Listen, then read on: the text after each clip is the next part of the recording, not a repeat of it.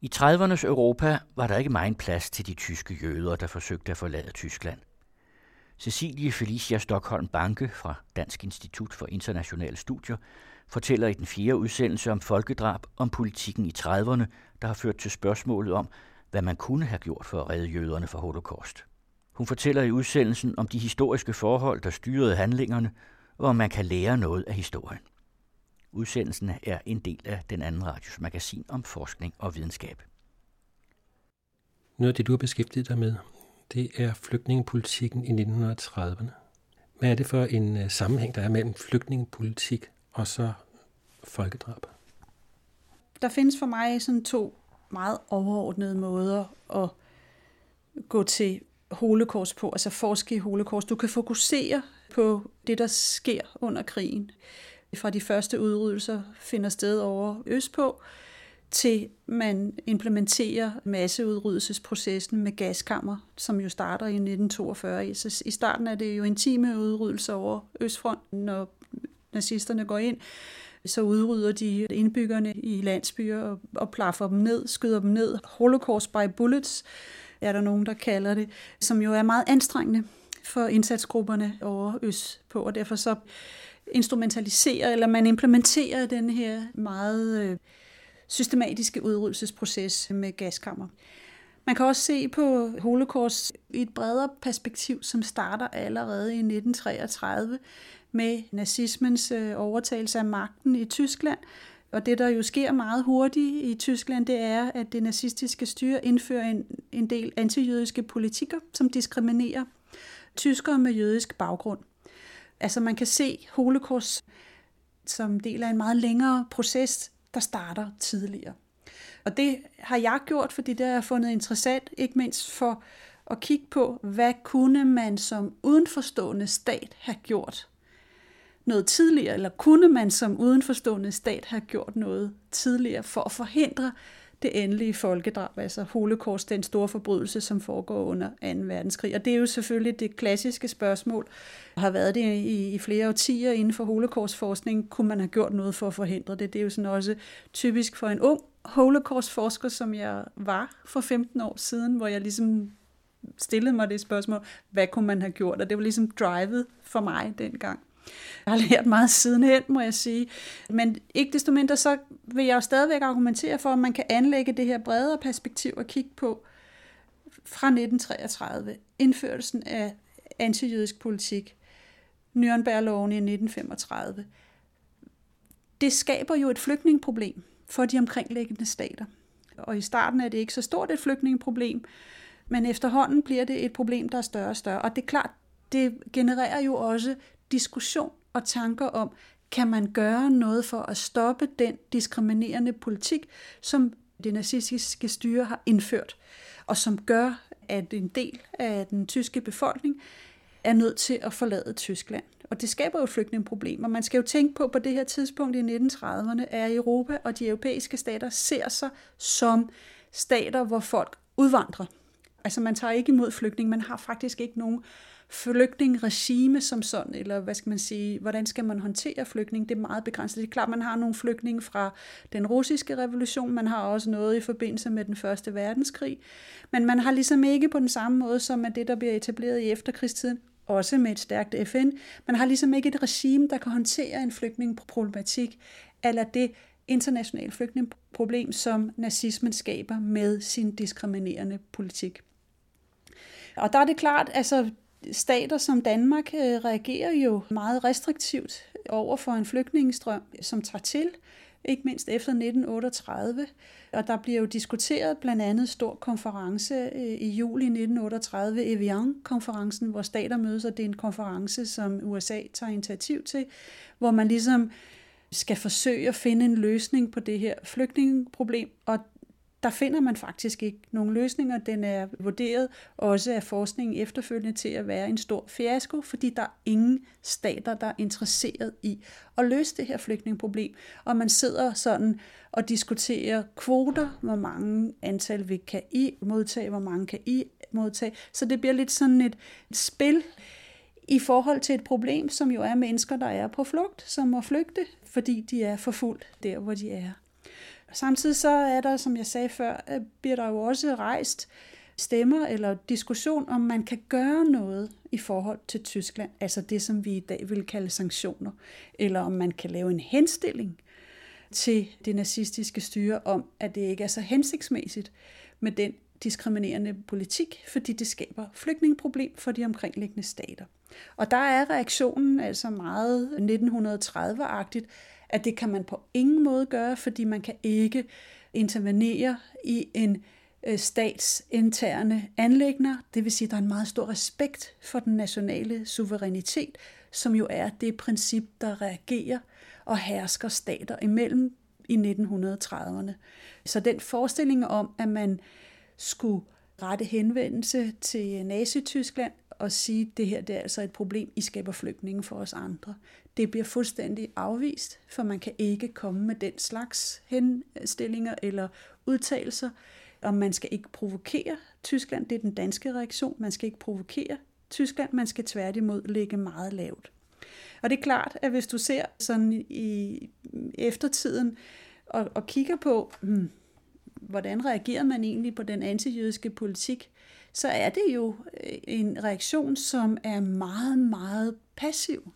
Og der er det for mig at se, der er måske en lærer at hente, som er til at have mere med at gøre, end hvis du kigger på selve krigen og udryddelsesprocesserne, hvor maskineriet ligesom allerede er i gang. Altså der kan du måske hente lidt mere, der er mere direkte lærerigt, fordi det er mere sammenligneligt med de vilkår, vi har i dag. Altså hvad kan man gøre med en stat i dag, som, som forfølger grupper i samfundet? Der har vi jo et internationalt system, der har vi jo et FN, der har vi jo stater, der kan blive enige om, vi går ind i Libyen, fordi vi er enige om, at vi skal bidrage til at beskytte civile osv. Så du har et system i dag, det havde du ikke i 1930'ernes Europa under nazismen. Der havde du flygtninge på flugt, som er meget henvist til velgørenhed, filantropi, flinke øh, stater som øh, Frankrig, som i starten tager mange flygtninge ind og efterhånden også lukker. Og stadigvæk så er det en situation i mellemkrigstiden, hvor ikke blot Europa ser sig som et land, man udvandrer fra, det er jo ligesom sådan, man har gjort siden slutningen af 1800-tallet, at folk vandrede ud for at finde arbejde. Folk vandrede altså også ud, hvis de var forfulgt eller blev udsat for pogromer, som øh, i Tsar-Rusland, øh, jøder i Tsar-Rusland. Og samtidig så har du et USA, som fra 1926 har indført restriktioner i forhold til, hvor mange folk de vil tage ind. Så indvandrerlovgivningen i USA bliver i tiltagende grad skraber og skraber op igennem slutningen af 20'erne og så også under 1930'erne. Det vil sige, at hvis du er på flugt, fordi du er forfulgt, eller af økonomiske årsager, så var dine muligheder ret begrænset på daværende tidspunkt. Og så er der en anden ting. De tyskere, som kommer hertil i 1933, 34, 35, i begyndelsen bliver de jo ikke set som flygtninge, de bliver set som emigranter, altså de udvandrer fra Tyskland, fordi man ligesom ikke man kan ikke øh, håndtere, man kan ikke forstå problematikken umiddelbart, at de er jo på flugt fra et styre, som forfølger dem. Og det er jo først senere hen, og det er ikke mindst med krystalnatten, at den aggressivitet og det had, øh, og hvor alvorlig den antijødiske politik, det første øh, ved krystalnatten i 1938 november, at det virkelig går op for omverdenen, og nu snakker jeg hele verden, hvis du kigger på avisernes reaktioner efter 9. november 1938, så er det meget stort chok over, at den form for aggressivitet kan udspille sig i Tyskland på det tidspunkt. Og der er det ligesom, der vågner verden til den antijødiske politik, hvor man tidligere måske har sagt, hmm, vi har jo set pogromer før, det skal nok gå over, og det var jo også flere af de jødiske samfunds umiddelbare reaktion. Det har vi set før, det skal nok gå over. Det gik bare ikke over. Men så efter 38, så lukkede Danmark op for grænserne, så man kunne tage imod en flygtning, efter at have set krystalnetten? Nej, det gjorde Danmark lige præcis ikke. det var jo meget polemisk spurgt af dig. Tværtimod bliver man øh, mere restriktiv, øh, og det gør alle stater, og det bliver en desperat situation for de mennesker, som ikke blot skal forlade Tyskland, men 39 skal de også forlade Polen. Du har også sydeter, tyskere, som skal finde et andet sted at søge hen. Så efterhånden har du altså en reel flygtningekrise i slutningen af 30'erne i Europa, hvor ingen stater er interesseret i at lukke flygtninge ind. Og i Danmark er den restriktive, relativt restriktiv, nu, nu kan man diskutere, hvor restriktiv den er, omkring 2.000 kommer ind i Danmark i hele perioden. Og det er i forhold til samfundets størrelse, det er der nogen, der vil vurdere er rimelig pænt. Men går man til administrationen af den her problematik, og det er jo det, vi har gjort med et stort projekt om dansk flygtningepolitik fra 1933 til 1945, som blev færdig øh, endeligt i 2007. Går man til administrationen af de folk, der søger til Danmark under nazismen, så er det en meget restriktiv administration. Og det man for alt i verden vil undgå, det er at skabe et jødeproblem i Danmark. Og der er jeg nødt til at forklare, hvad man dengang mente med at skabe et jødeproblem. Der var tanken, at hvis man tog imod for mange jødiske flygtninge fra Tyskland, så vil man få et jødeproblem, og så vil man skabe antisemitisme. Og ellers var antisemitisme jo også dengang anset som værende et udansk fænomen. Meget som følge af, at det jødiske samfund var relativt lille – i forhold til, hvor stor Danmark og den, hvor stor den danske befolkning var på daværende tidspunkt. Og logikken i den her måde at tænke på var, at hvis vi tager for mange jødiske flygtninge ind, så får vi, ligesom i Tyskland, et jødeproblem, så får vi antisemitisme, og det vil vi ikke have. Så det er ligesom den logik, som øh, ligger i administrationen af flygtningeproblematikken i 1930'erne. Derudover så er der også en meget stærk beskyttelse af arbejdsmarked over for indvandret arbejdskraft. Og det, om det var jøder eller ikke jøder, altså, altså det er den begrundelse, der også bliver brugt, at arbejdsmarkedet var først og fremmest til danskere, altså ikke til indvandrede jøder eller indvandrede tysker med jødisk baggrund. Om de så var øh, på flugt fra forfølgelse, så tog man helst ikke indvandret arbejdskraft ind, for det ville lægge et pres på arbejdsmarkedet og skubbe danskere ud af arbejdsmarkedet. Så derfor så var det også en beskyttelse, en meget protektionistisk politik over for det danske arbejdsmarked, sådan så at det var til danskere. Og det er jo klart, at det er jo noget, man jo også kan se i dag. Jeg har skrevet en bog, som hedder Demokratiets skyggeside, som jo er den anden del af at have en øh, velfærdsstat, som jo tager sig af borgerne på mange måder, øh, på en meget fin façon, og som også er baseret på lighed. Men skyggesiden er jo, at det er begrænset, hvor mange man kan tage ind i denne her velfærdsstat, som der skal tages hånd om. Og der kommer sådan et øh, beskyttelseselement ind, altså et protektionistisk element ind, som blandt andet kommer til at bestemme, hvordan man reagerer over for folk på flugt fra nazisme. Hvordan var egentlig det jødiske samfunds holdning i forbindelse med de russiske flygtninge, så prøvede man på at få jøderne videre til øh, USA, så man ikke fik et jødeproblem, kan man nærmest sige. Var der nogle lignende tanker, eller havde man større forståelse for de tyske jøder? Ikke nødvendigvis, faktisk. Altså, det jødiske samfunds holdning lagde sig meget op af den officielle holdning, altså det vil sige regeringens holdning, og også øh, klart meget beskyttende over for sig selv. Det er lidt dobbelttydigt, fordi hvis du ser på, hvad jødiske organisationer og forskellige initiativer i forhold til at hjælpe jøder på flugt, så kan du faktisk finde meget hjælp fra de danske jøder over for jøder på flugt. Men hvis du kigger mere på, hvordan man forholder sig til flygtningen som sådan og flygtningepolitikken, så er man helt på linje med den restriktive linje, for man er samtidig heller ikke interesseret i netop at skabe et jødeproblem, eller det man mente, der var i Tyskland, for ikke at tale i, i Polen, ikke? med en meget større jødisk befolkningsgruppe. I 1930'erne, så havde man også i Danmark noget, der hed asylret. Mm. Hvad var det, det betød?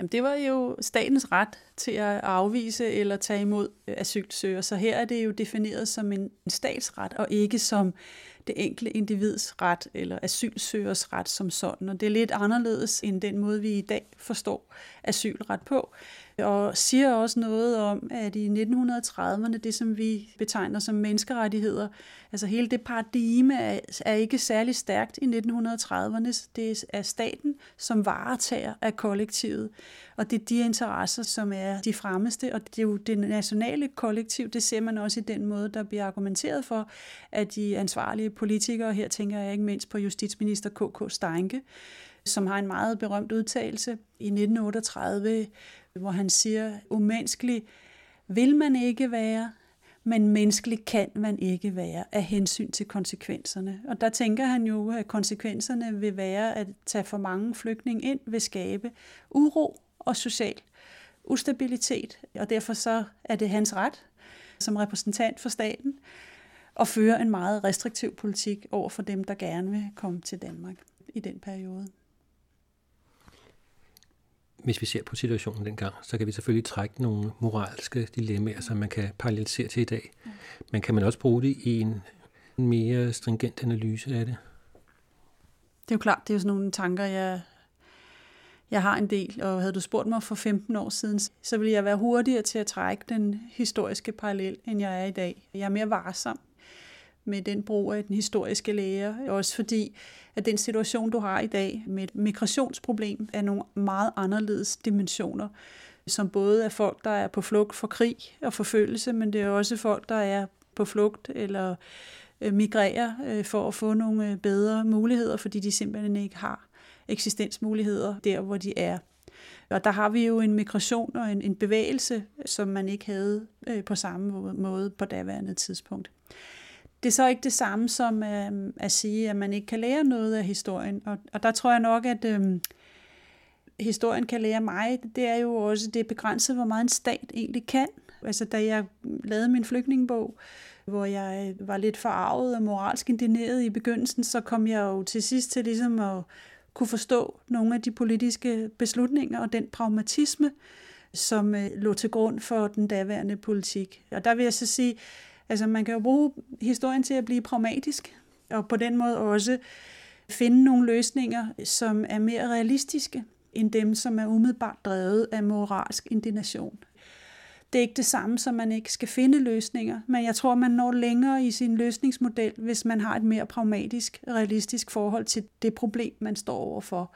Og det er også derfor, at jeg er forsigtig med de historiske paralleliseringer, fordi nogle gange har vi en tendens til at forstå nutiden i fortidens termer og lys, og det kan faktisk hæmme udsynet for den problematik, vi står over for nu. Det er ikke kun i relation til migrationsproblematikken her, det er også i relation til noget, som jeg også beskæftiger mig med, nemlig antisemitisme, hvor jeg I siger hele tiden et problem, vi har i Europa nu, men der skal man også passe på at ikke se det i lyset af 1930'erne, og ikke mindst i lyset af holocaust og nazisternes forbrydelser under 2. verdenskrig, for det er en anden situation, vi har i dag, og man er nødt til at analysere situationen som den ser ud i dag på situationens egne præmisser. Og der kan historien faktisk komme til at hæmme udsynet, vil jeg sige. Også fordi det er let, det er meget, meget let at være moralsk og bruge historien til at være moralsk fordømmende. Og det, hvor man virkelig skal gå ind, det er, at man skal jo se, hvor svært et rum det er, politikere og andre har at pendle i og manøvrere i, i forhold til at finde løsninger. Og også i forhold til at finde løsninger, som måske er mere realistiske og lade sig gørlige. Hvad kan man bruge fortiden til? Specifikt i forhold til folkedrab, der er det jo klart, og det var også det, jeg forsøgte at beskrive lige før, at den lære, vi har fra 1930'erne, det er de der signaler, som kommer tidligt. Og der kan man jo bruge historien til at lære at forstå signaler, som kommer tidligt, og ligesom sige, okay, vi skal ikke nå hele vejen derhen. Vi skal forsøge at gøre noget inden. Og der har historien og den historiske erfaring jo en meget vigtig rolle at spille. Ikke? Og der vil jeg sige, der kan man faktisk bruge den historiske erfaring, og også specifikt med 1930'ernes, men nu snakker vi altså også om forfølgelse af etniske, religiøse, nationale grupper her. Ikke? Hvilke nogle kendetegn er der? Og der har vi jo i dag, der fuger Elfenbenskyst og så videre, Mali, hvor du jo har nogle processer, som ligner noget af det, vi har set tidligere, ikke blot i Europa, før under 2. verdenskrig, men også op igennem 90'erne og også i Rwanda. Ikke? Og der kan du ligesom måske blive bedre til at reagere politisk set hurtigere. Og vi har også et system, som jo gør, at det internationale samfund har fået nogle mekanismer, der er vedtaget forskellige resolutioner, som ligesom skal sørge for, at stater reagerer hurtigere, og også at det er legitimt for stater og internationalt samfund at reagere i den her slags situationer. Altså sådan, at man ikke gør sådan, som de omkringliggende stater gjorde i 1930'erne, da man overvejede, eller nogen kom til at foreslå, at det kunne være, at vi kunne komme med en pæn henstilling til Tyskland om, at den der diskriminerende politik over for jøder ikke var så hensigtsmæssig, hvor den, den automatreaktion dengang er, det kan der overhovedet ikke være tale om. Og der har vi jo en anden situation i dag. Altså det er legitimt at komme med henstillinger og intervenere i en anden stats interne anlægner. Udsendelsen var tilrettelagt af Henrik Moral.